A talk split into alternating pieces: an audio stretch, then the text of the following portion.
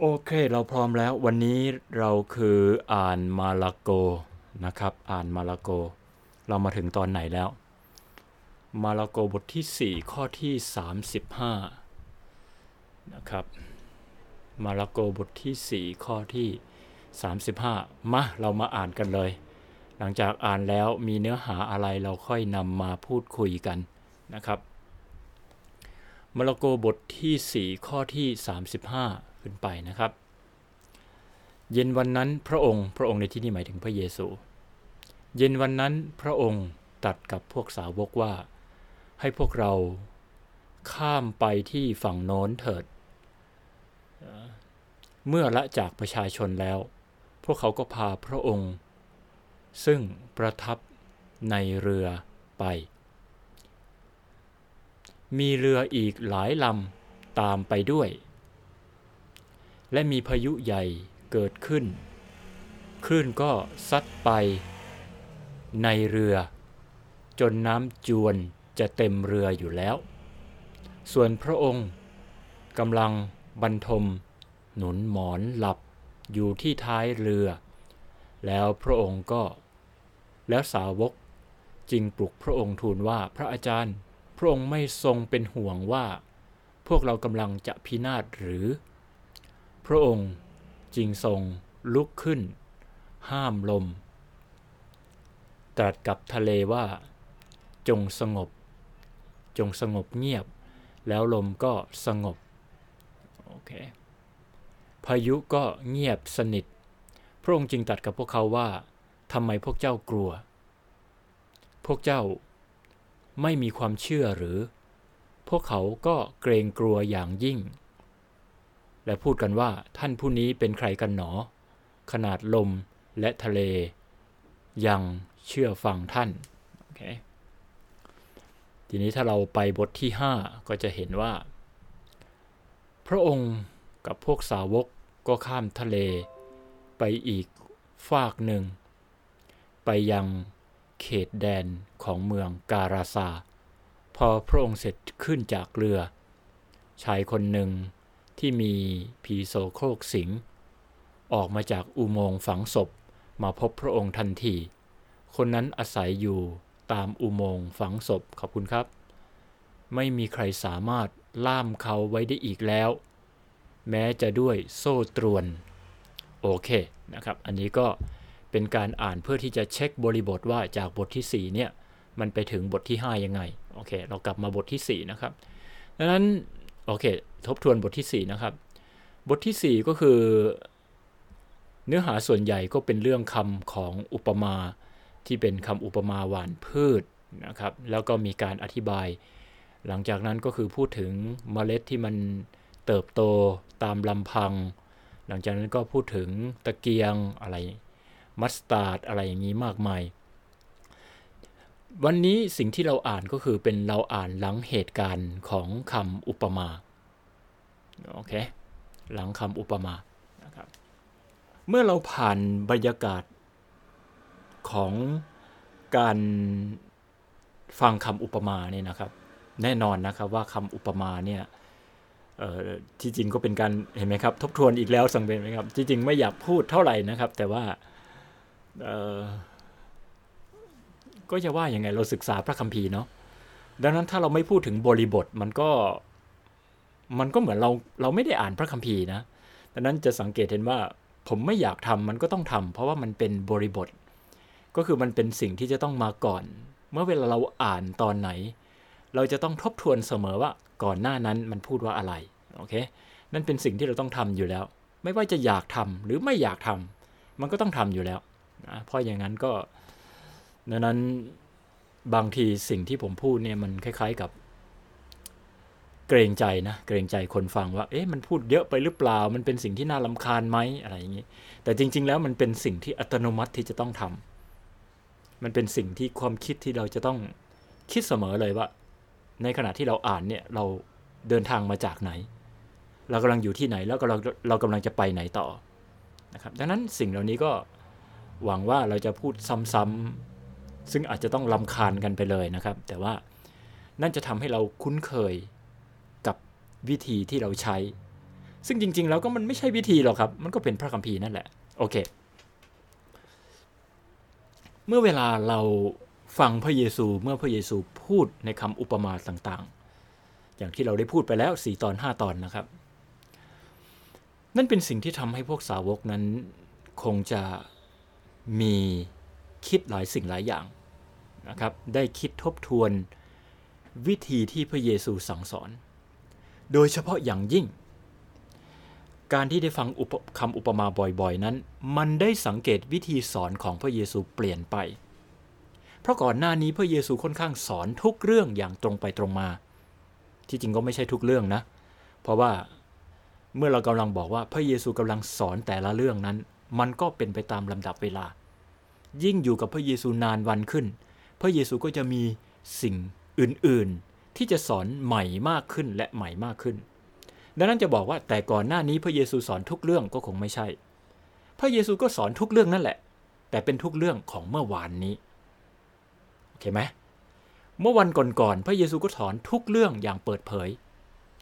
แต่มาถึงวันเหล่านี้ ที่ได้ยินคำอุปมานี้ พระเยซูก็ไม่ได้ก็ไม่ได้บอกทุกเรื่อง ให้เป็นคำพูดเปิดเผยอีกต่อไป แต่บางเรื่องก็เริ่มปิดซ่อนเร้น ขอบคุณครับ บางเรื่องก็เริ่มปิดซ่อนเร้นอยู่ในคำเปรียบเทียบ และที่เราอธิบายมาตลอดใน 5 ตอนที่ผ่านมาก็คือว่า เรื่องที่พระองค์เปรียบเทียบนั้นก็คือเป็นเรื่องที่อันได้แก่เป็นเรื่องที่ฟังแล้วคนไม่อยากฟัง อาจจะเป็นเรื่องการที่ถูกตำหนิ อาจจะเป็นฟังแล้ว คนจะเข้าใจว่า โอ้การกระทำแบบนั้นมันผิด โอ้การกระทำแบบนั้น มันเป็นการดำเนินชีวิตที่อันตรายละ หรือมันเป็นการติดตามพระยาเวขอบคุณครับ เป็นการติดตามพระยาเวที่อาจจะแบบว่า หลงทางแล้วนะ อะไรอย่างนี้ พระเยซูก็ปิดเหล่านี้เนี่ยให้อยู่ในคำอุปมา แต่พระเยซูปิดสิ่งเหล่านี้ที่เป็นคำอุปมานั้น ให้กับบุคคลภายนอกไม่ใช่พวกสาวก ให้กับบุคคลภายนอก โดยเฉพาะ สิ่งเหล่านี้ให้แก่บุคคลภายนอกที่ไม่อยากฟังอยู่แล้ว ที่ไม่อยากฟังอยู่แล้ว โดยเฉพาะพวกฟาริสีปุโรหิตพวกเฮโรดอะไรต่างๆ พวกเหล่านี้เมื่อได้ยินคำอุปมาก็ฟังก็ดีก็ฟังผ่านๆ ฟังเรื่องของอชาวเกษตรกรก็รู้อยู่แล้ว ก็ไม่เห็นเกี่ยวอะไรกับฉันผ่าน แต่คำอุปมาก็จะมีผล ต่อประชาชน ที่ประชาชนนั้นเข้าใจอยู่แล้ว เข้าใจว่าพวกเขามาติดตามพระเยซูเขาคิดว่าพระเยซูเป็นคนที่สำคัญ เป็นคนที่มีพระคำของพระเจ้า ดังนั้นเมื่อเขาเห็นพระเยซูเปรียบเทียบกับเมล็ดที่หวานออกมา พวกเขาเข้าใจ พวกเขาสามารถที่จะคิดต่อไปได้ อย่างเช่นประชาชนก็คิดว่าทบทวนนานเลยนะเนี่ยก็คือเป็น ไปไปสอนเรื่องเดิมนั่นเองโอเคไหมโอเคอะอะอันนี้เป็นผู้ประชาชนนะ ประชาชนฟังก็คือว่า อืมพวกเขาชอบพระเยซู พวกเขาเชื่อว่า พระเยซูเป็นบนบุคคลที่สำคัญ พระเยซูบอกว่ายังไงนะ เออ คนที่หวานพืชไป พืชบางอย่างเนี่ยเมื่อหวานไปแล้วเนี่ยพื้นที่บางที่มันไม่ยอมรับ แต่พื้นที่บางที่เนี่ยมันก็ตกอยู่ในดินดีแล้วก็เออเติบโตได้ผลผลิต เมื่อประชาชนฟัง เอ๊พระเยซูกำลังเปรียบเทียบกับอะไรเนาะพระเยซูคงจะบอกว่า เออคนบางพวกที่มันไม่ยอมรับเนี่ย มันก็ต้องตายไป แต่คนบางพวกที่ยอมรับเนื้อเรื่อง โอกก็จะเติบโต ประชาชนก็คิดว่า อืมพวกเขาก็คงอยู่ในทางนี่แหละ พวกเขาก็จะเติบโตต่อไป เหมือนกับเมล็ดพืชอะไรต่างๆ ที่อยู่ในคำอุปมานี้ที่มันเป็นไปตามเรื่อง เห็นไหมครับ พระเยซู เมื่อประชาชนฟังพระเยซูนั้นก็พอที่จะเข้าใจ แต่แน่นอนสำหรับพวกสาวกแล้วถูกอธิบายทุกอย่างอย่างกระจ่างแจ้ง เมื่อคำว่าทุกอย่างนั้นคืออะไรครับ ทุกอย่างอย่างกระจ่างแจ้ง ก็คือเรื่องที่จะบอกว่า คนใดที่ตอบสนองแล้ว มันถือว่าเป็นทางที่ควรจะไปต่อได้ สิ่งเหล่านี้ถูกอธิบายให้กับพวกสาวกได้ฟัง ดังนั้น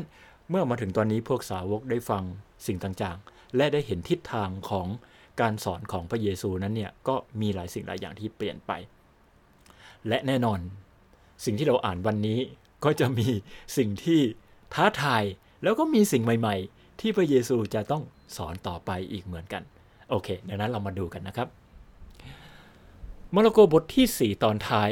มาระโกบทที่ 4 ข้อที่ 35 เย็นวันนั้น วันไหนไม่รู้แล้วนะ เอาคร่าวๆนะ เย็นวันนั้น หลังจากที่ได้พูดคำอุปมาเนี่ยแหละนะ พระเยซูก็พูดกับพวกสาวกว่าให้พวกเราเนี่ยข้ามไปฝั่งโน้นเถิด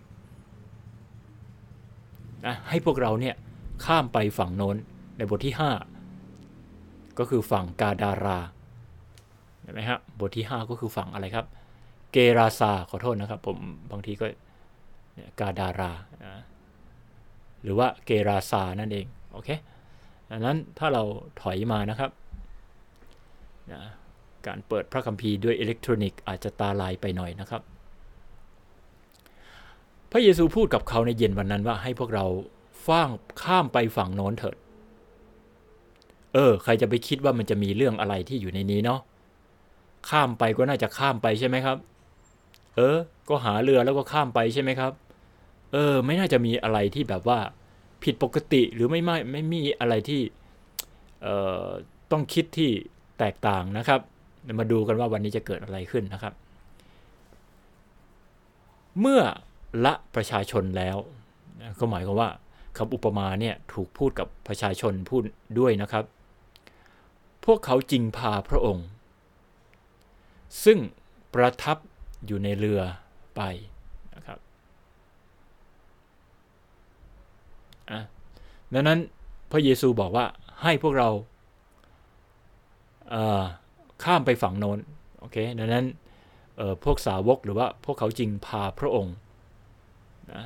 ประทับไปไปฐานทางเรือนะครับ ที่จริงแล้วเนี่ยไม่ใช่เรือของพวกสาวกเท่านั้น แต่ว่ามีเรืออีกหลายลำที่เดินทางไปด้วยดังนั้นเรือหลายลำก็คงจะเดินทางไปพร้อมกับ จะติดตามคงอยากเห็น การสอนของพระเยซูด้วย และรวมทั้งอาจจะเป็นประชาชนที่จะต้องเดินทางไปมาตามเส้นทางการเดินเรือนี้ ซึ่งก็น่าจะเป็นเรื่องปกติอยู่แล้วนะครับ ดังนั้นก็มีการหลายกรณีที่จะเห็นว่ามีเรือนั้นเนี่ยก็จะเป็นการเดินทางไปมาด้วยกัน และคราวนี้ก็พระเยซูก็จะไปด้วยนะครับ มีพายุใหญ่เกิดขึ้น คลื่นซัดเข้าไปในเรือจนน้ำจวนจะเต็มเรืออยู่แล้วนั้นก็ปรากฏว่ามีพายุใหญ่เนี่ยนะครับ ที่จะเกิดขึ้นนะครับ เดี๋ยวเรามาพูดในรายละเอียดเล็กน้อย ว่ามันพายุนี้มันน่าจะเป็นอย่างไรนะครับ ส่วนพระองค์ก็กำลังนอนหมุนหมอนอยู่นะครับ แล้วก็นอนอยู่ โอเค โอเค เรามาอธิบายด้วยกันสักนิดหนึ่ง ก็อันนี้ผมก็อธิบายตามมารยาทนะครับ เพราะว่าคนอื่นๆเขาก็อธิบายแบบนี้ดังนั้นผมก็อธิบายให้เหมือนคนอื่นนะครับ ก็คือว่าพายุนี้มันเกิดขึ้นได้ยังไงพราะมีภูมิศาสตร์ของดินแดนคานาอันเนี่ยนะครับ เป็นภูมิศาสตร์ที่ไม่เหมือนบ้านเรา กล่าวคือนะครับ ทางด้านตะวันตกติดด้วยทะเล โอเค ทางด้านตะวันตกติดด้วยทะเล เมื่อเข้ามาในแผ่นดินหรือหมายถึงว่ามุ่งไปสู่ทางตะวันออกเนี่ย ก็จะมีสภาพเป็นภูเขาเนินเขา อาจจะเรียกว่าภูเขาอาจจะไม่ชัดเจน เพราะว่าท่านอาจจะคิดว่าเป็นภูเขาเหมือนเรา มันไม่ใช่เป็นภูเขาที่เป็นเหมือนบ้านของเรา มันน่าจะเรียกเป็นเนินมากกว่า แต่มันก็ไม่ใช่เป็นเนินของบ้านเรา เพราะเนินของเราอาจจะเล็กเกินไป แต่มันก็ไม่ใช่ภูเขาที่เรามักจะเรียกเป็นภูเขาที่ใหญ่ๆ โอเค มันจะเป็นลักษณะที่เป็นแบบเนินเขาที่กินบริเวณที่ค่อนข้างกว้าง ว่าจะมีเนินนั้นเนินนี้ ติดต่อกัน หรือหรือซ้อนกันไปเรื่อยๆ เอาเป็นว่าบางครั้งก็เรียกว่าเนิน บางครั้งก็เรียกว่าภู อืมคำของบ้านเราค่อนข้างใช้เรียกภูมิศาสตร์แบบนั้นไม่ค่อยได้นะครับ ยังไงก็ตาม ไม่ว่าจะเรียกเนินหรือภูเขาก็ช่างนะครับ บริเวณที่อยู่กาลิลีหรือคาเปอร์นาอูมเนี่ยเวลามันขึ้นนะครับ เวลามันขึ้นเนี่ยมันจะค่อนข้างสูงมากเลยทีเดียว มันจะค่อนข้างไต่ระดับจากน้ำทะเลเนี่ยสูง ขอบคุณครับ สูงเหนือพื้นดินอย่างมากนะเอาละทีนี้พอมันจะมาถึงทะเลกาลิลี ที่พระเยซูกำลังจะข้ามเนี่ยปรากฏว่ามันก็ลดระดับลงมาหาทะเลกาลิลีเนี่ยหรือว่าทะเลสาบกาลิลี อย่างมากเลยทีเดียว พูดง่ายๆก็คือว่านะสภาพเนี่ยมันเหมือนภูหรือมันเหมือนภู ที่จากระดับน้ำทะเลก็จะขึ้นมาถึงภูนะเพื่อที่จะไปหาแม่น้ำมันก็จะลดลงระดับตรงนี้นะน้ำก็อยู่ตรงนี้นะครับ ดังนั้นนี่มันสูงมากเลยครับนะตรงนี้นะครับเป็นระดับที่หรือพูดง่ายๆก็คือว่ามันมันจะต่ำลงมาอย่างมาก แล้วก็ทะเลก็จะอยู่ค่อนข้างต่ำอย่างมากโอเคแล้วจนไปหาภูเขาหรือว่าเนินเขาด้านโน้น ก็จะไต่ระดับขึ้นไป ลักษณะภูมิศาสตร์แบบนี้เนี่ยมันทำให้รู้สึกว่าทะเลสาบกาลิลีเนี่ยนะครับ เหมือนมีภูเขาล้อมรอบ มันก็คือภูเขาล้อมรอบนั่นแหละผมที่บอกว่าเหมือนเนี่ยผมกำลังพะวงเรื่องการใช้คำพูดนะซึ่งมันจริง ๆ มันเขาไม่เรียกว่าภูเขาไงนะแต่มันก็คือแผ่นดินนั่นแหละ แผ่นดินที่มันสูงมากๆ ที่กำลังล้อมรอบทั้งสองข้างของทะเล หรือว่าทะเลสาบกาลิลีอยู่ และเราก็รู้ใช่ไหมครับ ในปกติว่าทะเลสาบหรือทะเลทรายเนี่ยกลางวันนี้มันก็จะร้อนมาก และกลางคืน มันก็จะเย็นมาก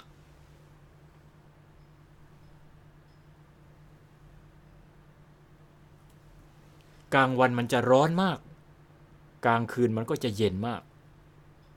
อันนี้ภูมิศาสตร์ทั่วไปนะ ไม่ว่าจะเป็นอยู่ทะเลทราย ถิ่นทุรกันดารหรือเป็นที่มีอากาศโดยรอบของอะไรนะ โดยรอบของอะไรนะอะไรนะ แผ่นดินอะไรเนี่ยคณะอันเนี่ย ชื่อคณะอันก็ยังคิดไม่ออกละ อเค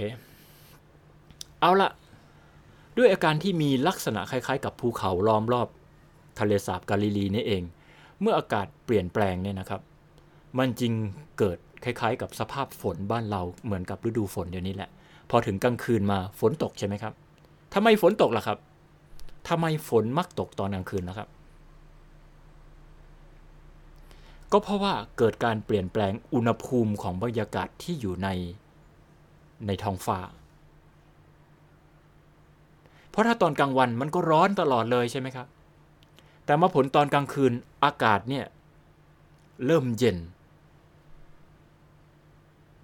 เพราะว่าไม่มีแสงอาทิตย์อากาศก็เริ่มเย็น ดังนั้นเมฆอะไรต่างๆ ก็เย็นลง ความแตกต่างระหว่างอุณหภูมิเย็นกับอุณหภูมิร้อนทำให้เกิดการวิ่งไปหากัน หรือวิ่งเป็นวงกลมก็ได้ สมมุติว่าอากาศเย็นอ่าจะเรียกว่ายังไงนะ อากาศไหนเย็นเนี่ย อากาศข้างบนหรืออากาศข้างล่างเย็นดีผมไม่แน่ใจ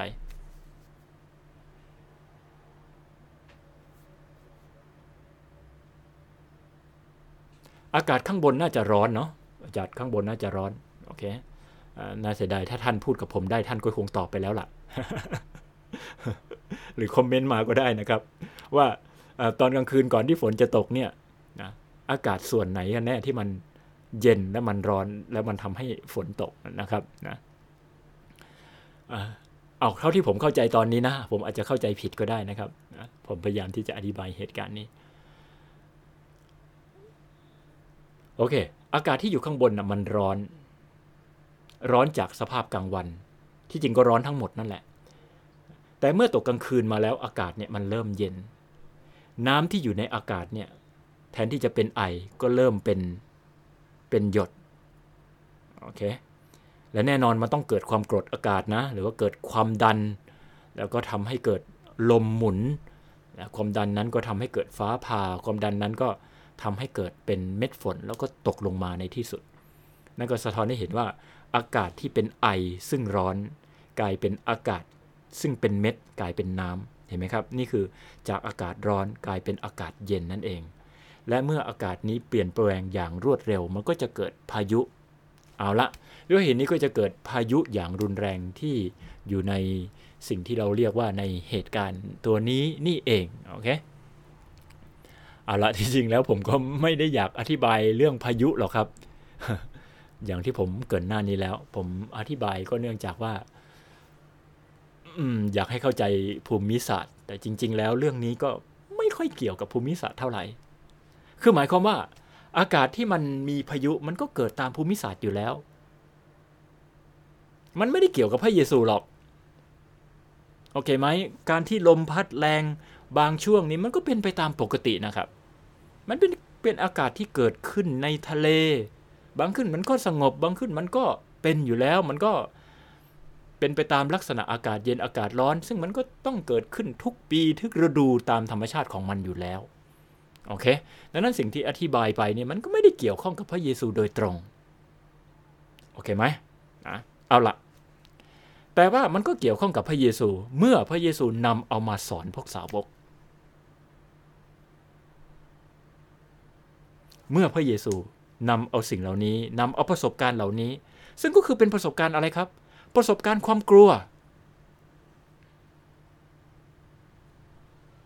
นั้น โอเค โอเค เอาเรามาอ่านกันด้วยกันดีก่อนนะครับดังนั้น เมื่อมีพายุใหญ่เกิดขึ้นขึ้นก็ซัดเข้ามาในเรือ น้ำก็เข้ามานะจวนจะเต็ม ซึ่งหมายความว่าก็จะทำให้กำเรือกำลังจะจมนั่นเอง โอเค เออจริง ๆ แล้วน่าจะค้นหานะว่าเรือคืออะไร เออผมเปิดแป๊บหนึ่งนะครับ ผมจะเปิดอินเทอร์เน็ตนะครับ ดูซิแล้วเพื่อที่จะหาว่า ถ้าอยากจะค้นเรือนะครับ พิมพ์ภาษาอังกฤษนะครับ ใช้คำว่า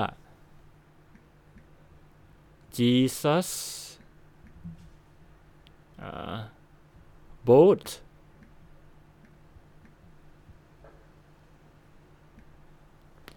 Jesus boat นี่เห็นไหมครับ พิมพ์ปั๊บเห็นเลยจะเลือกตื้นภาพไหนนะเลือกตัวไหนนะเอาตัวนี้ก็ได้เอาไม่รู้สิอะโอเค ประมาณนี้ท่านเห็นใช่ไหมครับ นี่คือเป็นลักษณะของเรือหาปลาปกติ ผมไม่รู้ว่าเรือนี้พระเยซูอยู่วันนั้นหรือเปล่านะ ไม่ทราบเหมือนกันนะ โอเคไหมแต่เรือนี้เป็นลักษณะเรือที่ใช้หาปลา ปกติที่ที่อยู่ในสมัยของพระเยซูนั้นเรือค่อนข้างมีโครงสร้างลักษณะที่ซับซ้อนพอสมควรนะครับผมไม่แน่ใจต้องเลือกภาพอื่นไหมที่ผมดึงภาพลงมาเนี่ยเพื่อผมจะชี้เห็นว่าภาพที่อยู่ด้านหลังนะครับ เมื่อเวลาเรือเนี่ยมันจะมีเสาที่อยู่ตรงกลางเนาะแล้วมันก็จะมีใบ ผมเรียกไม่ถูกแล้วนะ ใบอะไรก็ไม่รู้ใบรับลมนั่นแหละ ผมไม่ใช่ชาวชาวเรือนะ ผมพูดไม่เป็นนะโอเคไหมอย่าถือสาผมนะครับ มันก็จะมีใบรับลมนี่อยู่ตรงนี้ แล้วก็จะมีเชือกที่ผูกระยงระยางอะไรอยู่ตรงนี้ เพื่อที่จะบังคับทิศทางของเรือโอเคไหมนี่คือภาพคร่าวๆโอเค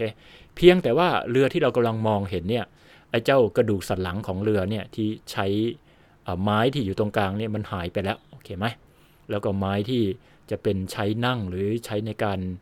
ออนอนหรืออะไรเนี่ยมันหายไปแล้วสิ่งที่เราเห็นตอนนี้ก็คือ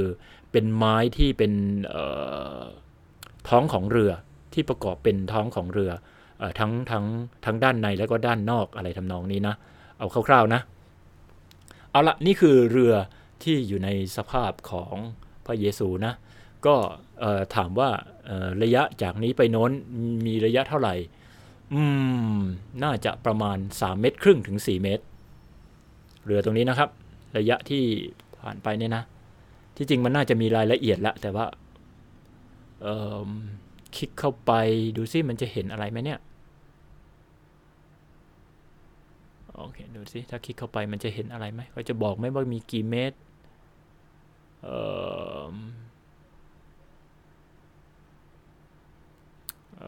ไม่เห็นนะครับ ผมไม่ได้อ่านละเอียดนะ ผมแค่มองตามกวาดสายตา โอเค ไม่เป็นไรนะครับ เรือนี้ค่อนข้างใหญ่นะ เรือนี้ค่อนข้างใหญ่นะครับค่อนข้างยาวนะฮะผมกะด้วยสายตานะเอาประมาณสักสามเมตรครึ่งสี่เมตรครึ่งสามเมตรครึ่งถึงถึงสี่เมตรครึ่งนะ ถ้าเต็มเรือจริง ๆ ก็น่าจะเกินห้าเมตรนะ ถ้าทั้งท้ายทั้งหัวอะไรเนี่ยนะ มันน่าจะเกิน แต่ว่าลำตัวจริง ๆ ก็จะคงประมาณสักสามเมตรครึ่งจนถึงสี่เมตร ครึ่ง จะสังเกตเห็นว่ามันบรรจุคนได้เยอะสมควร โอเค พอประมาณนะครับ กลับมาเรื่องของพระคัมภีร์เราดีกว่านะพายุใหญ่เกิดขึ้นนะครับก็เรือก็จะจมแล้ว พายุลมลมพัดแล้วก็คลื่นแรง น้ำก็เข้ามาในเรือ เออน่ากลัวทีเดียว เพราะว่าคลื่นนั้นแรงเกิดขึ้นแบบค่อนข้างจะกระทันหันนะครับ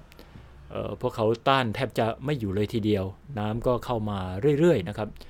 จวนเรือเนี่ยจะเต็มอยู่แล้ว ซึ่งหมายถึงว่าก็จะเริ่มจมอยู่แล้วนะครับ ส่วนพระเยซูทำยังไงครับ พระเยซูนอนหลับอยู่ที่ท้ายเรือนะครับสาวกมาปลุกว่าอาจารย์ พระองค์จะไม่ทรงเป็นห่วง พวกเรากำลังจะพินาศเหรอ โอเค เอาละนี่คือจุดเติมต้นที่เราจะคุยกันนะครับ อาจารย์พระองค์ไม่เป็นห่วง พวกเราจะกำลังพินาศเหรอ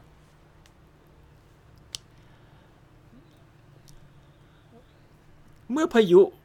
เกิดขึ้น ที่จริงพวกเขาก็เป็นชาวประมงด้วยอะไรก็ช่างเถอะพราะเขาพยายามที่จะสู้กับคลื่นพวกนั้นที่จะประคองเรือให้ไปได้ น้ำเข้ามาเรื่อยๆ จนพวกเขาสู้ไม่ไหวแล้วล่ะ อันนี้ผมพูดตามความรู้สึกของท่านนะ แต่ละคนก็คงจะมีความรู้สึกในเหตุการณ์นี้เหมือนกัน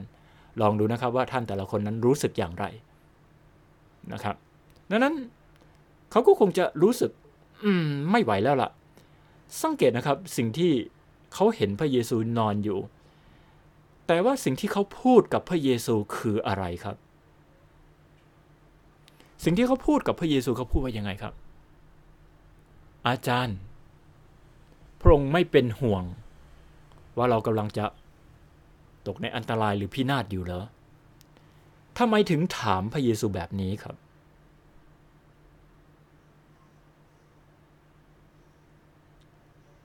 ที่ถามพระเยซูแบบนี้เพราะอะไรเนี่ย อาจารย์ไม่เป็นห่วงเหรอ เรากำลัง ตกอยู่ในอันตรายอยู่ แสดงว่าที่พูดแบบนี้หมายความว่าพระเยซูช่วยได้ใช่ไหมพระเยซูสามารถแก้ปัญหาให้ได้ใช่ไหมคงอย่างนั้น ใช่ใช่พระเยซูคงแก้ปัญหาได้ ถ้างั้นผมถามต่อ แล้วคิดว่าพระเยซูจะแก้ปัญหายังไงครับ จะแก้ปัญหายังไงครับ คิดว่าพระเยซูจะแก้ปัญหายังไงทำไมถึงเรียกพระเยซูอ่าเรียกพระเยซู เพราะว่าโอเค พระเยซูสำแดงการอัศจรรย์ พระเยซูทำได้อะไรหลายอย่างอ๋อเรากำลังคิดว่า พวกเขากำลังคิดว่า พระเยซูนั้นสามารถช่วยได้ โอเค ถ้างั้นผมถามต่อไป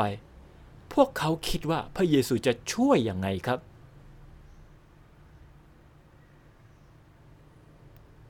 นี่เป็นคำถามที่สำคัญนะครับ ถ้าไม่งั้นผมไม่ถามหรอก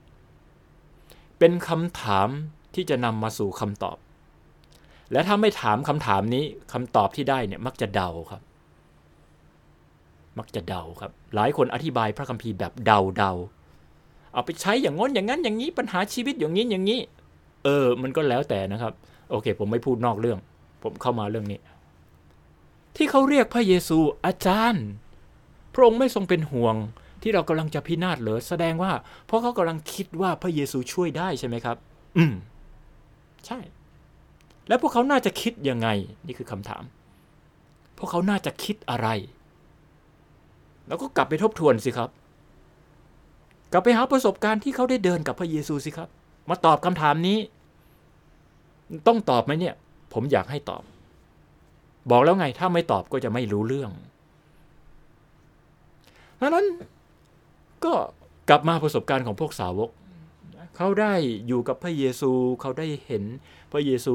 ใช้ฤทธานุภาพของพระเจ้า เห็นไหมพูดเรื่องเดิมอีกแล้ว สังเกตไหมครับ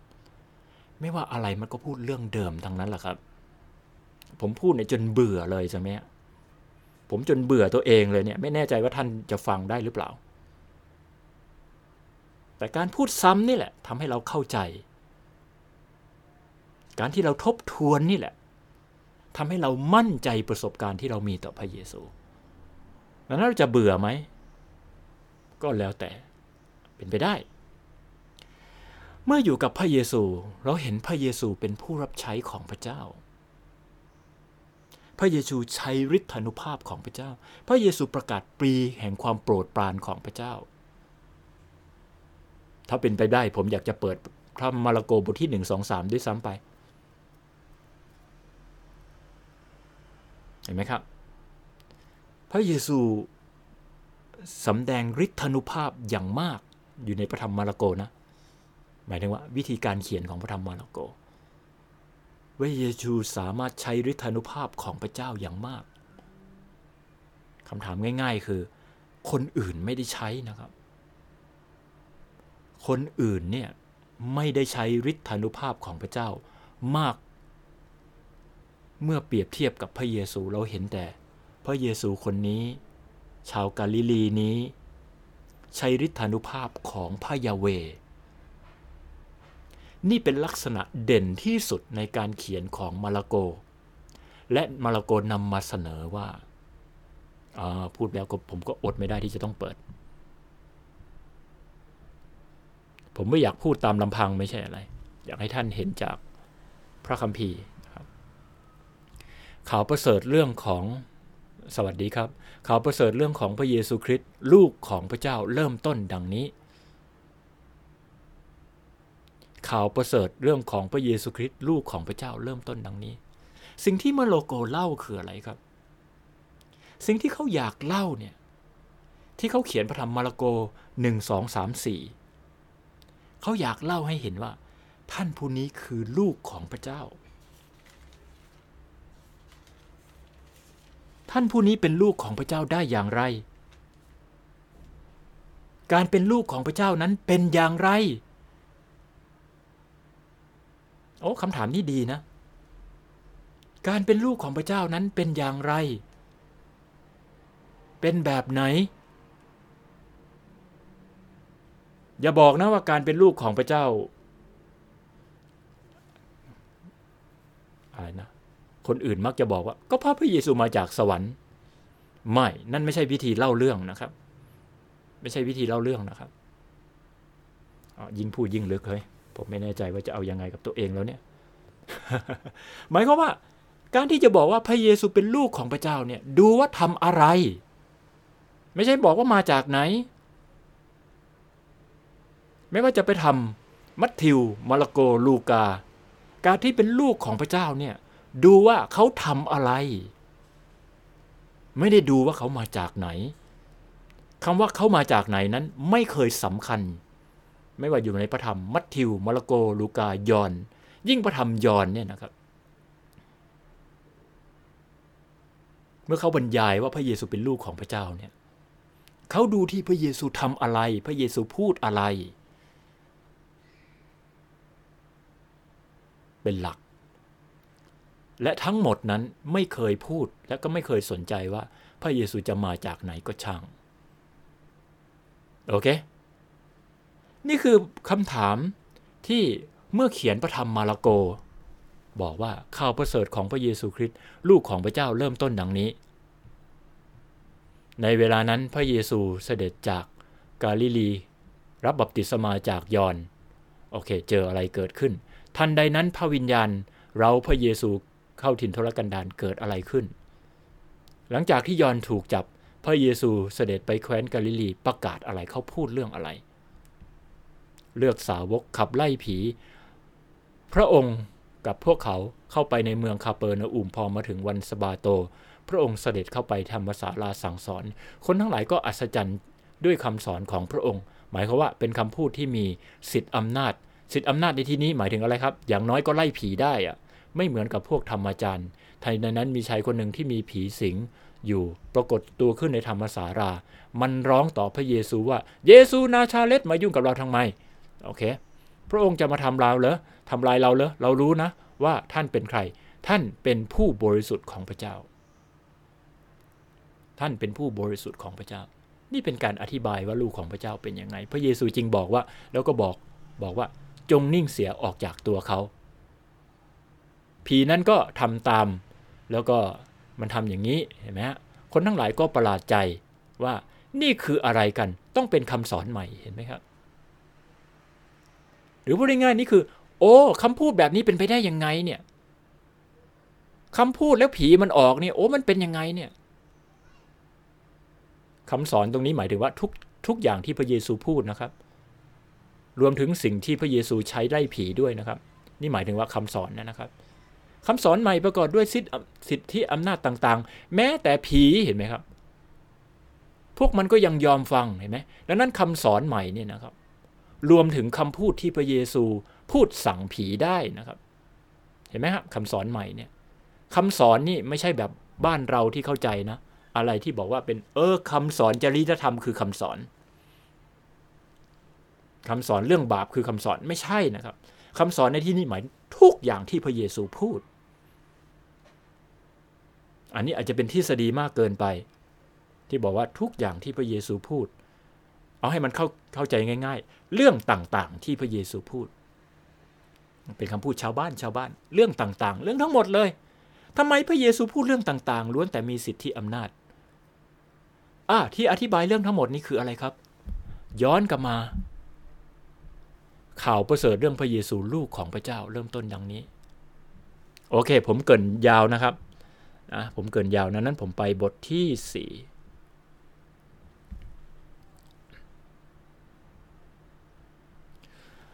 ผู้ลูกศิษย์ลูกหาของพระเยซูบอกว่า อาจารย์อาจารย์ไม่เป็นห่วงเราเหรอเรากำลังจะพินาศอยู่แล้ว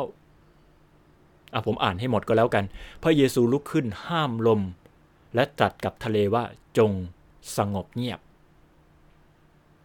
พระเยซูพูดว่าจงสงบเงียบ แล้วลมก็สงบ พายุก็เงียบสนิท มีลมนะครับ พายุนะครับ ลมนี่กับพายุคนมันไม่แน่ใจว่าอันอันเดียวกันหรือหรือต่างกันไม่แน่ใจนะ ที่จริงลมกับพายุมันคล้ายกันมาก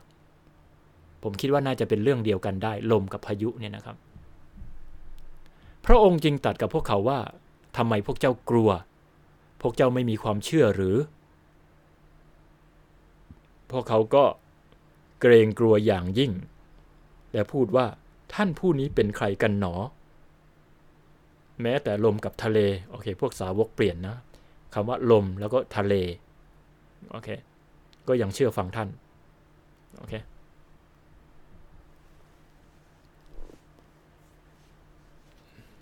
เชื่อไหมจริง ๆ วันนี้ตอนท้ายที่เราอ่านตะกี้เนี่ย เราลองเรียบเรียงเรื่องสิครับ อาจารย์ไม่เป็นห่วงเราเหรอ เราตกอยู่ในอันตรายนะ พระเยซูตื่นขึ้นจากที่นอน พระเยซูสั่งด้วยคำพูดง่ายๆว่าจงสงบ ถัดจากนั้นสภาพแวดล้อมไม่ว่าลมหรือน้ำก็สงบลง เมื่อสงบลงแล้วพระเยซูพูดต่อ พระเยซูบอกว่าพวกเจ้ากลัวทำไมผมแอบดูนะทำไมพวกเจ้ากลัว พวกเจ้าไม่มีความไว้วางใจเหรอ พวกพวกเขาก็ เกรงกลัวอย่างยิ่งแล้วพูดวนว่า ท่านคนนี้เป็นใครกันหนอ ท่านคนนี้เป็นใครกันหนอ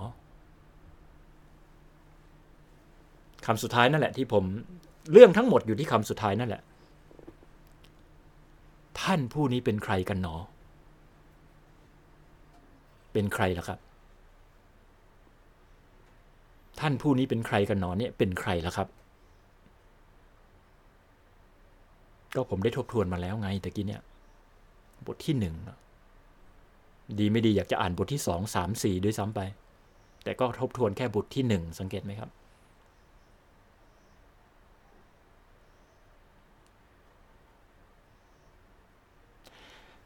ดังนั้น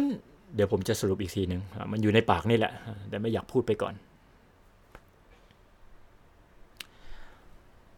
วันนี้เป็นอีกวันหนึ่งที่การเดินเรือน่าจะปกติ ปุ๊บปั๊บเกิดพายุขึ้นมา พวกสาวกพยายามแก้ปัญหาอยู่แล้ว พวกเขาก็สู้เต็มที่ แต่สุดท้ายพวกเขาแก้ปัญหาไม่ได้ พวกเขาหันไปหาพระเยซู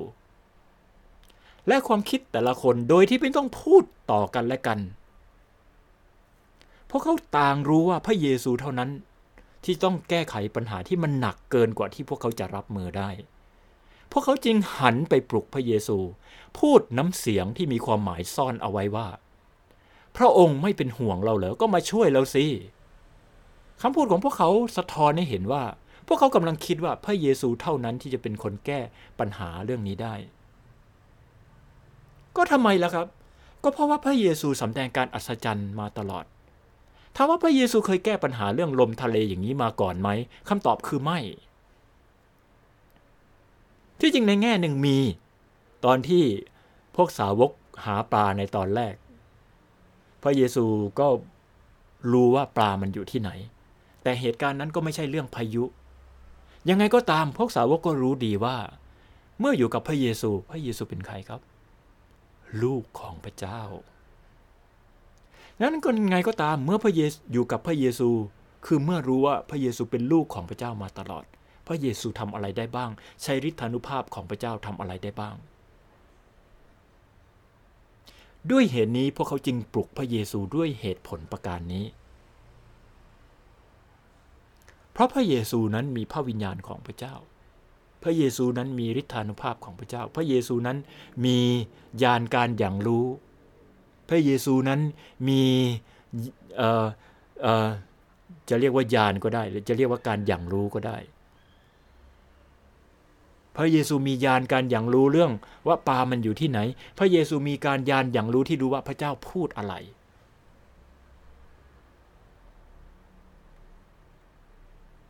เอาละนี่คือเรื่องที่ผ่านมา แล้วพวกเขาก็จะปลุกพระเยซูด้วยเหตุผลแบบนี้ พระเยซูตื่นขึ้น สั่งบอกว่าพายุทั้งหลายจงสงบลมมันสงบจริง ๆ คลื่นมันหายจริงๆ ที่ผมใช้คำว่าคลื่น เพราะว่าสาวกใช้คำนี้นะครับ ทะเลเห็นไหมครับ ที่อยู่ด้านล่างเนี่ย ผมจึงใช้คำว่าคลื่นนั้นลมมันก็หายไป คลื่นทั้งหลายที่มันก็หายไปคำถามก็คือพระเยซูทำยังไงล่ะครับคำตอบคือพระเยซูก็ทำเหมือนอย่างที่เคยทำมา พระเยซูก็ทำสิ่งต่าง ๆ อย่างที่เคยทำมา อะไรคืออะไรคือสิ่งที่ทำอย่างที่เคยทำมานะครับ ก็พระองค์ใช้ฤทธานุภาพของพระเจ้า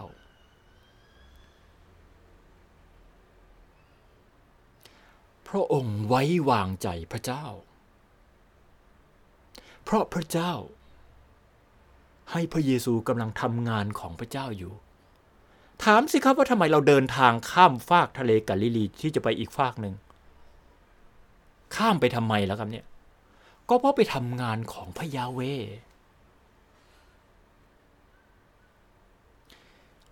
ทั้งพระเยซูและพวกสาวกที่กำลังมีชีวิตอยู่นี้เพราะเขามีชีวิตอยู่ในแต่ละวันเพื่อทำงานของพระยาเว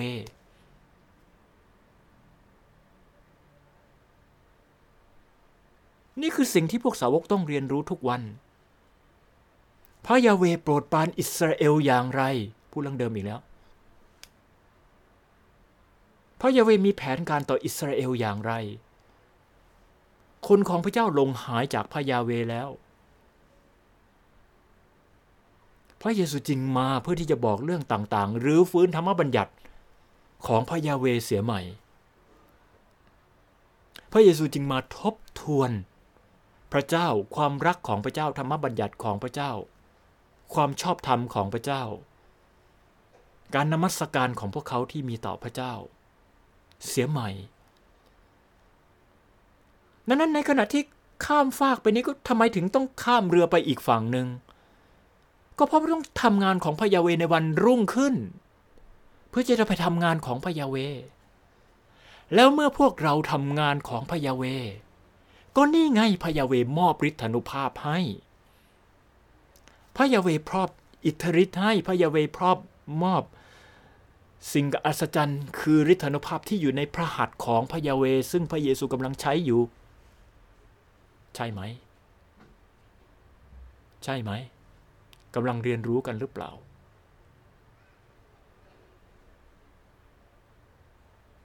ดังนั้นมีหรือเมื่อเราทำงานของพยาเวแล้วพยาเวจะหนีไป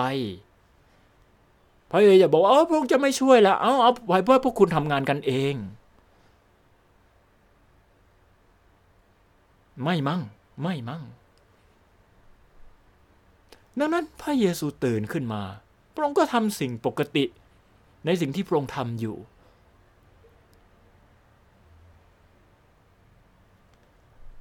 พระยาเวจะปล่อยให้เราตายไหมเนี่ย พระยาเวจะปล่อยให้น้ำมันท่วมไหมเนี่ย เรารู้ไหมเนี่ยว่าเรากำลังเดินทางเนี่ยไปทำอะไรเนี่ย ก็เราเดินทางก็เหมือนกับทุกครั้งที่เราเดินทางใช่ไหม เราเดินทางก็เพื่อทำงานงานของพระเยเวในวันรุ่งขึ้นถัดไป ที่จะไปเจอเกิดคนกับคนกลุ่มใหม่ ๆ ในพี่น้องของอิสราเอลด้วยกัน เราจะคิดไหมเนี่ยว่าเรากำลังอยู่กลางทาง และเรามีอุปสรรคแล้วเราจะทำอย่างไง พระเยซูก็บอกว่า ก็ให้ลมสงบลง พระเยซูจึงหันมาพูดกับพวกสาวกว่าทำไมพวกเจ้ากลัว พวกเจ้าไม่มีความเชื่อหรือทำไมพวกเจ้ากลัว ในเมื่อพระยาเวประทานฤทธิ์อำนาจให้กับพระเยซู และพวกลูกศิษย์ลูกหาเนี่ยพระยาเวจะไม่มอบฤทธิ์อำนาจของพระยาเวให้กับลูกศิษย์ลูกหาของพระเยซูเหรอตัวโรงงานที่กำลังทำอยู่เนี่ยพระเยซูทำคนเดียวใช่ไหมเนี่ย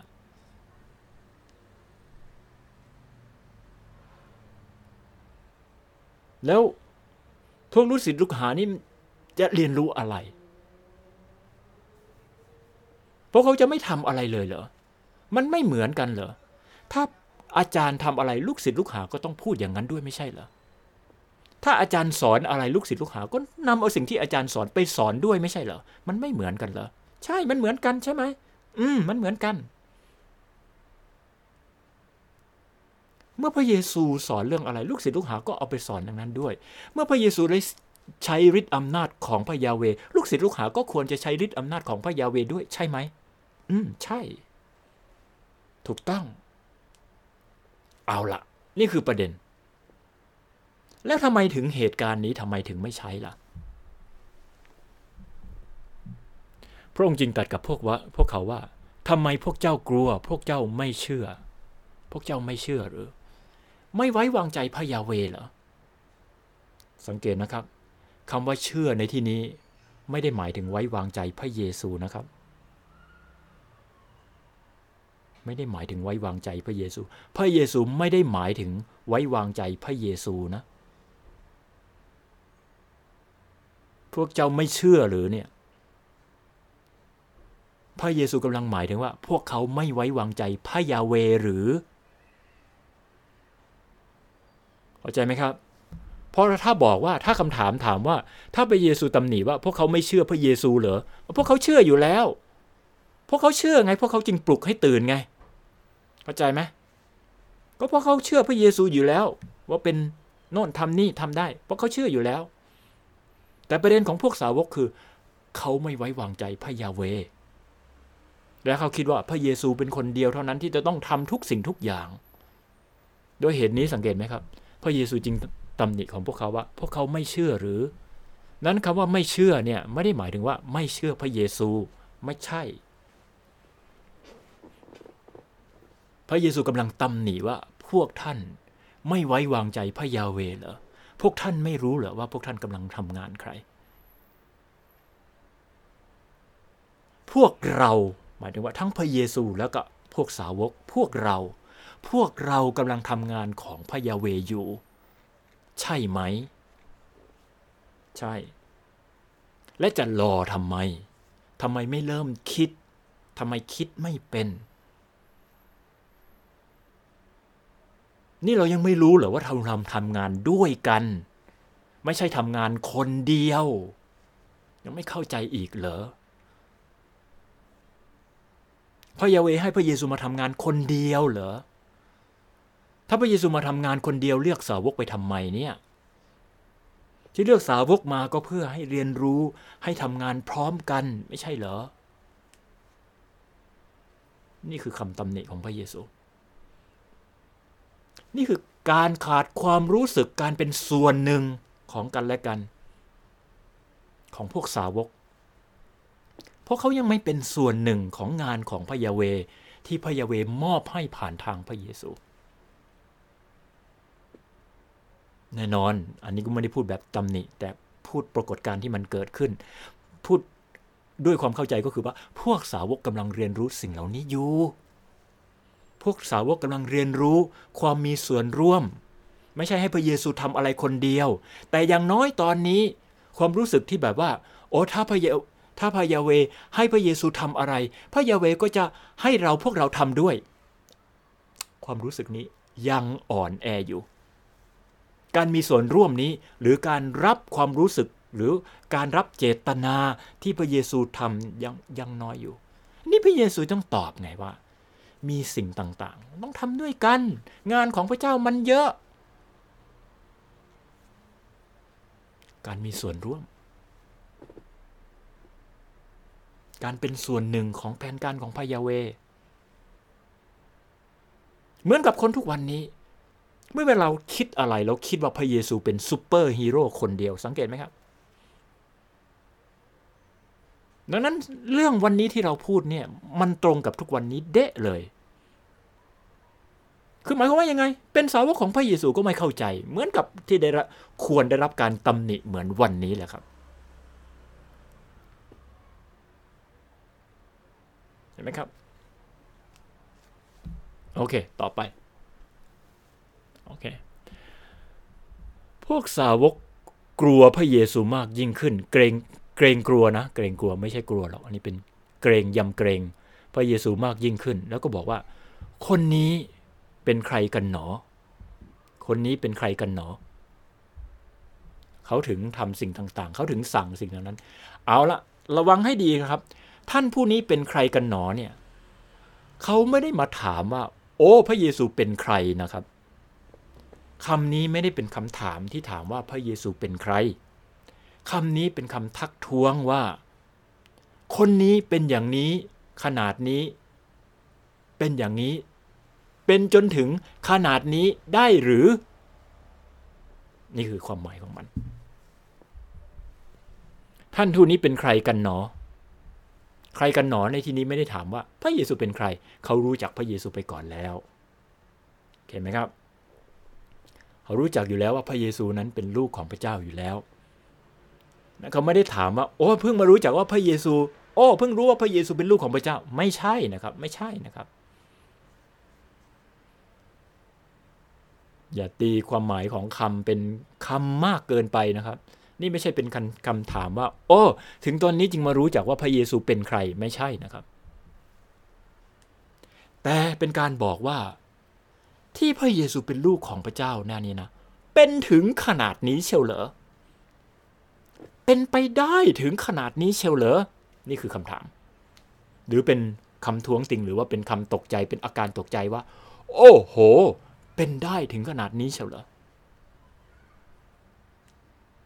เขาไม่รู้ว่าพระเยซูจะแก้ไขปัญหาได้แบบนี้ครับ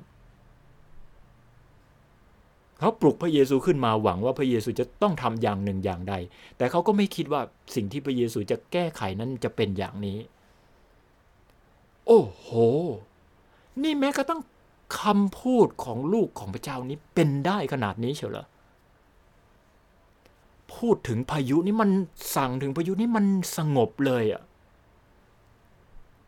หมายความว่ายังไง หมายความว่าฤทธานุภาพของพระยาเวที่มอบให้ลูกของพระเจ้าเนี่ยมีมากขนาดนี้เชลเหรอ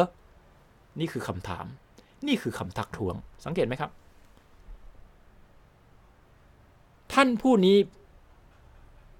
เป็นถึงขนาดนี้เขาเหรอ ขนาดลมกับพายุยังฟังท่าน เห็นไหมครับคำพูดนี้ไม่ได้บอกว่าพระเยซูเป็นใครนะครับ แต่คำพูดนี้เพื่อที่จะตอบว่า โอ้โห เขาเป็นได้ขนาดนี้เฉลอที่ลมกับพายุยังฟังเขานะ่ะ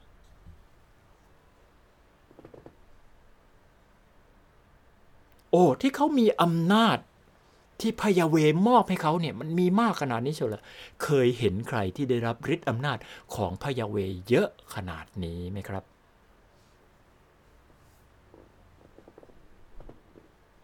เคยสังเกตเรื่องนี้ไหมครับ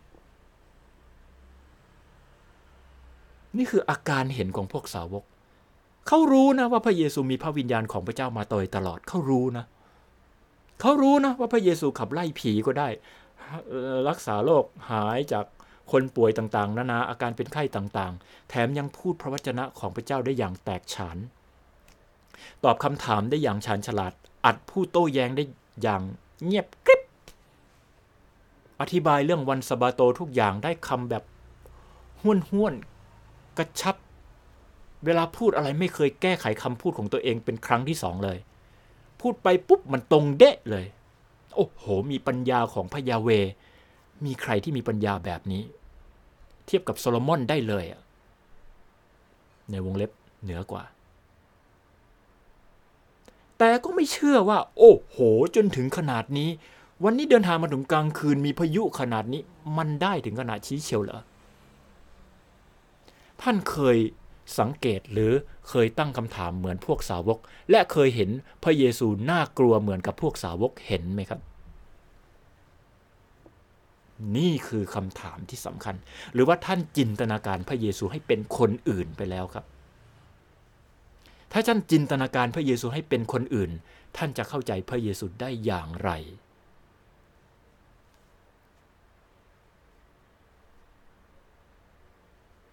คำตอบก็คือ เป็นไปได้เหรอ ที่พระเยซูมีอำนาจมากมาย แต่วันนี้ยังมีอำนาจมากมาย เหนือธรรมชาติ เออพูดตรงๆก็คือ ลม ที่น่ากลัวแล้วก็ ทะเล เพราะพระเจ้ามอบให้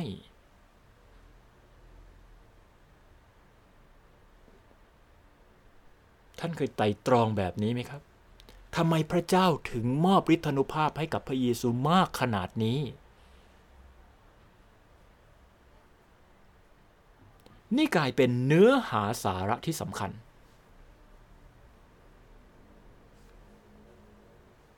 หรือพูดง่ายๆนี่คือเป็นเนื้อหาที่พระเยซูอยากสอน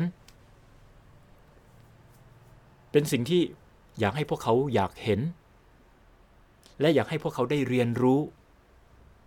เราเรียนรู้กี่อย่างเนี่ย เราเรียนรู้หลายอย่างเลยนะ เช่นเราได้เรียนรู้เรื่องอะไรครับ เป็นการสรุปไปเลยนะ อันดับแรกได้เรียนรู้ถึงการงานของพระยาเวผ่านทางมาพระเยซู พระเยซูตำหนิพวกเขาว่า พวกเขาขาดความไว้วางใจ นี่ครับ ทำไมพวกเจ้ากลัว พวกเจ้าไม่มีความไว้วางใจหรือไหมไม่มีความไว้วางใจหรือสังเกตไหมครับ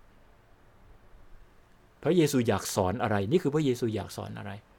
พระเยซูพูดให้เห็นเห็นว่า พวกเขาขาดความไว้วางใจพระยาเว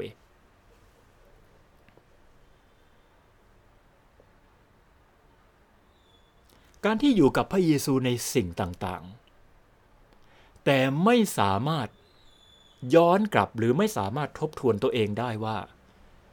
ถ้าพระยาเวอยากทำอะไรแล้วแล้วก็ การอยู่กับพระเยซูก็เสียเวลา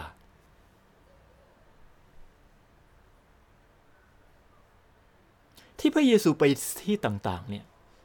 ก็เพื่อที่จะสอนเรื่องของพระยาเว พระเยซูไม่เคยสอนเรื่องตัวเอง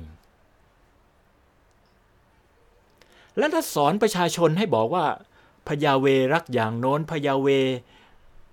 ให้คนนั้นหายโรคได้ ให้คนนั้นขับไล่ผีได้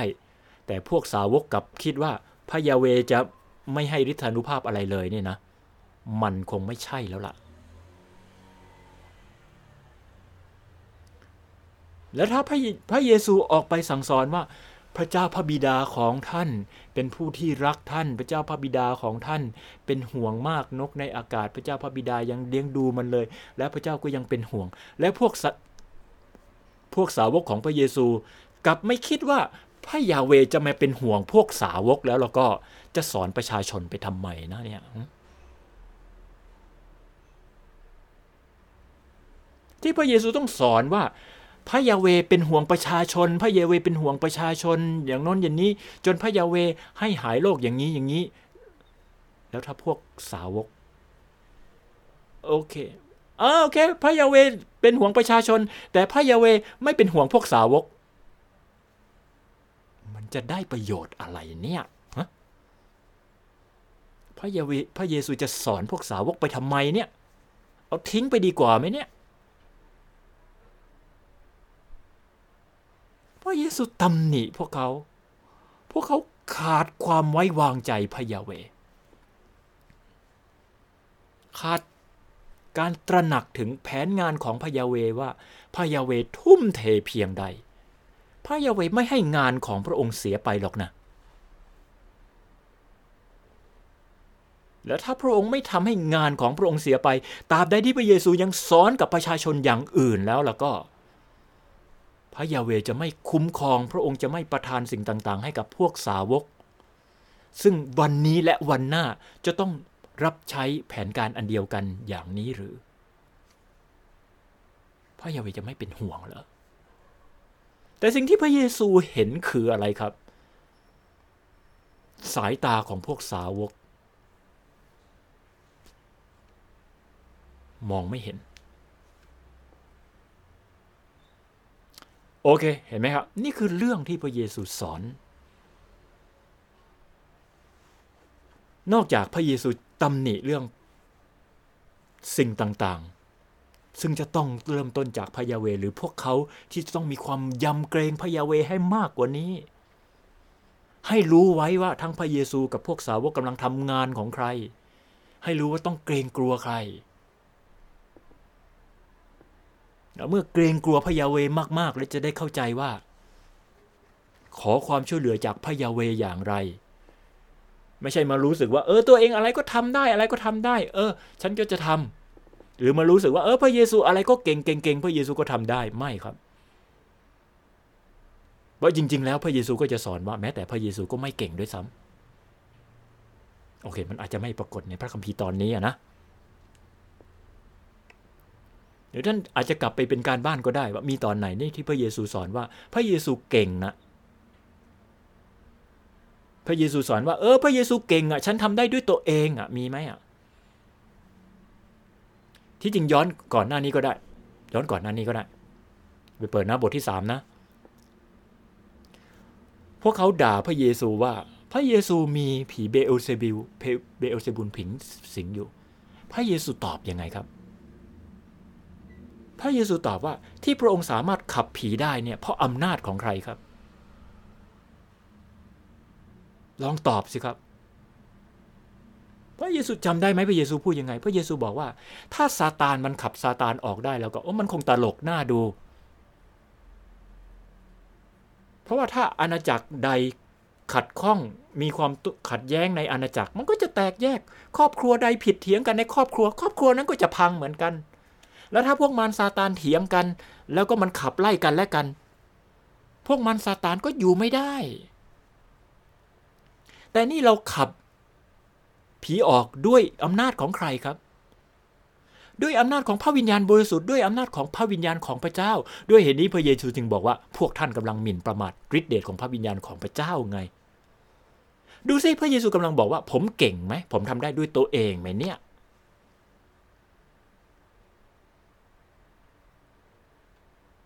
หมายความว่าผมกำลังบอกว่า พระเยซูปลูกฝังทัศนคติให้กับพวกสาวกไหมว่าเมื่อพระเยซูอยู่กับพวกสาวกแล้วพระเยซูเป็นฮีโร่พระเยซูกำลังปลูกทัศนคติแบบนี้ให้กับพวกสาวกไหม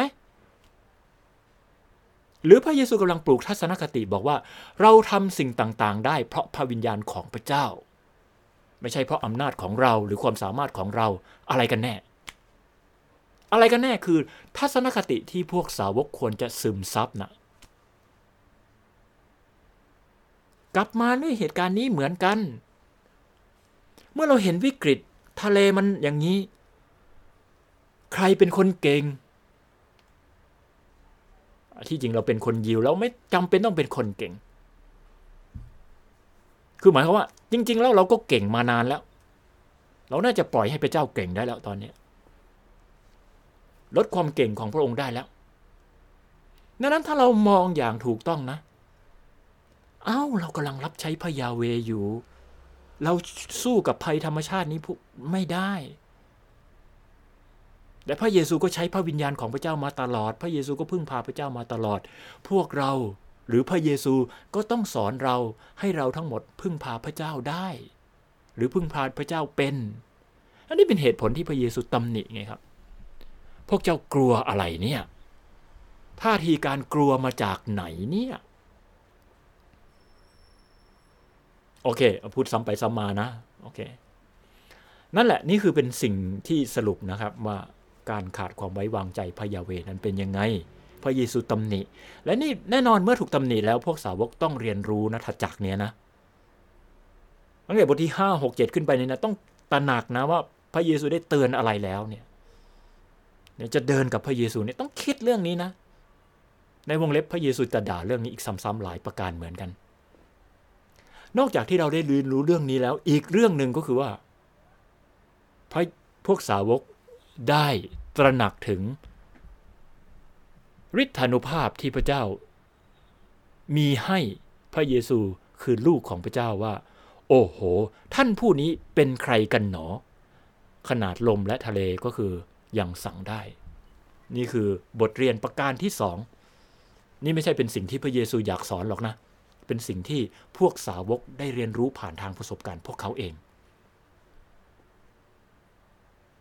เมื่อเห็นพระเยซู ใช้อำนาจของพระเจ้าได้มากขนาดนั้น พวกเขาตกใจว่า โหฤทธิ์อำนาจแบบนี้มีด้วยเหรอพระเยซูสามารถชิดได้ฤทธิ์อำนาจของพระเจ้ามีถึงขนาดนี้ด้วยเหรอ มีมนุษย์คนไหนเนี่ยที่ใช้ฤทธิ์อำนาจของพระเจ้าได้ถึงขนาดนี้ และนี่คือลูกของพระเจ้า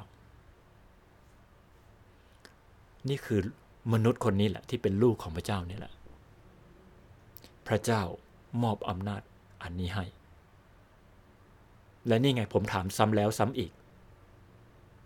และก็จะเห็นแบบนี้ครั้งแล้วครั้งเล่าอีกเหมือนกัน และผมก็จะถามคำถามเดิมๆเหมือนกันคำถามของผมก็คือว่า พระเจ้ามอบฤทธานุภาพให้ลูกของพระเจ้า คือพระเยซู มากถึงขนาดนี้ทำไมครับทำไมครับทำไมถึงมอบให้ใช้อะครับ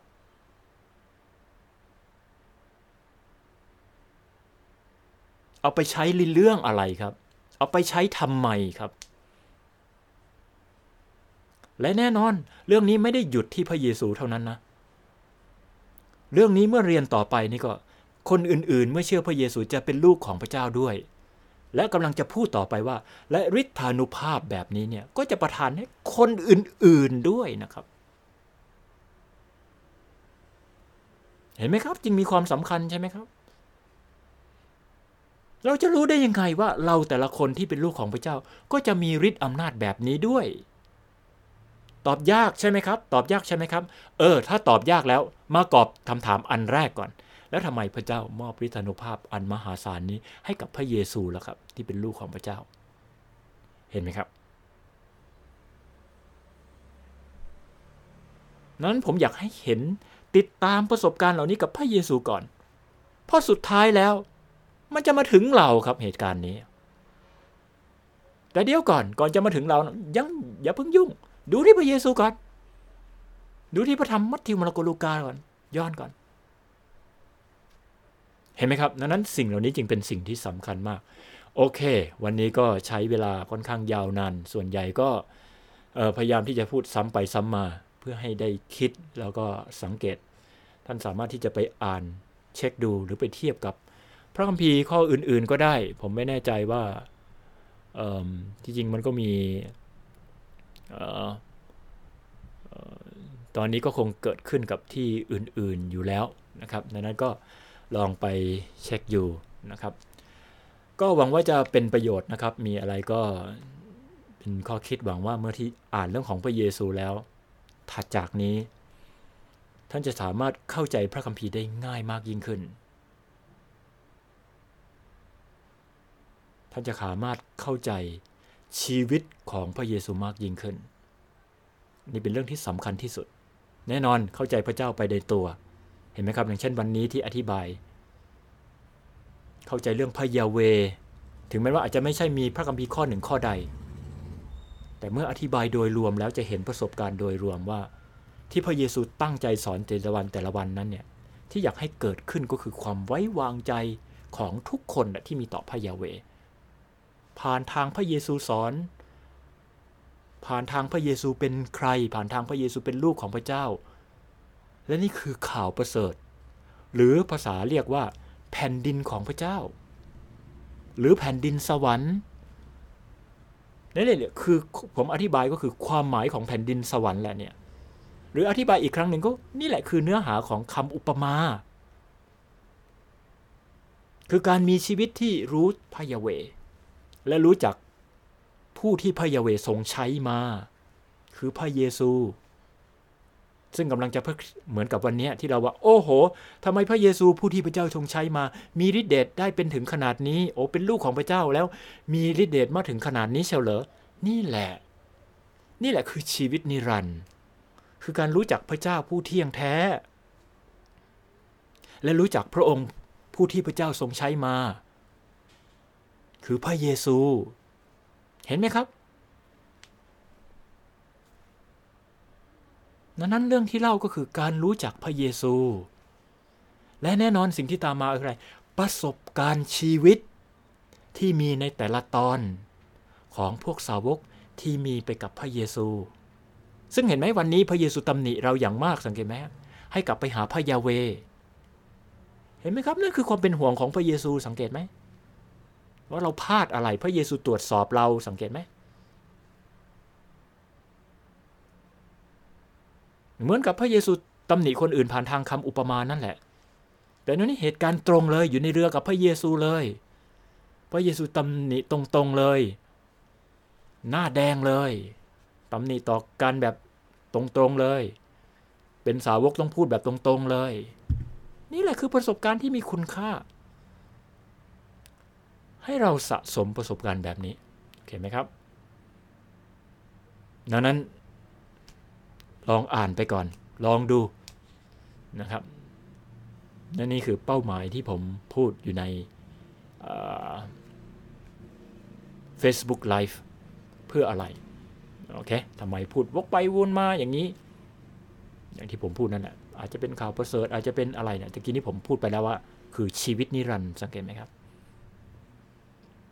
ราะชีวิตนิรันดร์คือการรู้จักและการไว้วางใจ หรือเป็นการตรวจสอบว่าอะไรที่เรายังไม่ได้ไว้วางใจ แล้วเราจะหันกลับมาไว้วางใจยังไง ไม่ต้องเป็นห่วงเรามีพระเยซูสอน ประเด็นคืออยากให้พระเยซูสอนไหม หรืออยากให้คนอื่นมาสอนแทน เลือกเอา หวังว่า ทุกท่าน คงจะต้องการอยากให้พระเยซูสอน โอเคถ้างั้นก็ดี อยากให้พระเยซูสอน เราก็มามีประสบการณ์เดินไปกับพระเยซูด้วยกัน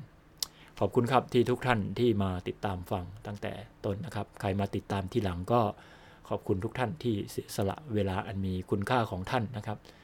ผมรู้ว่าผมพูดยาวมากในแต่ละครั้ง ชั่วโมงหนึ่งชั่วโมง 20 นาที มันอาจจะสิ้นเปลือง เวลาชีวิตของท่านจริง ๆ ผมรู้ ผมรู้ว่าผมทำอะไรอยู่ ผมพูดว่าผมพูดอะไรอยู่ แต่ผมหวังว่าท่านเองต่างหากที่จะรู้หรือเปล่าว่าท่านกำลังฟังอะไรอยู่ และได้อะไร ถ้าท่านตอบตัวเองได้ ท่านคงอยากฟัง ถ้าท่านตอบตัวเองไม่ได้ก็ไม่ต้องฟังหรอกครับ มันเสียเวลา ผมพูดเนี่ยมันเยอะจริง ๆ ชั่วโมงหนึ่งชั่วโมง 20 นาที มันเสียเวลาชีวิตจริง ๆ คิดให้ดีนะครับ ขอบคุณครับที่ใช้เวลาของท่านในการติดตามฟังนะครับ พบกับ ในหัวข้อถัดไปนะครับ ในครั้งนี้ขอลาไปก่อนนะครับ พบกันในโอกาสหน้า สวัสดีครับ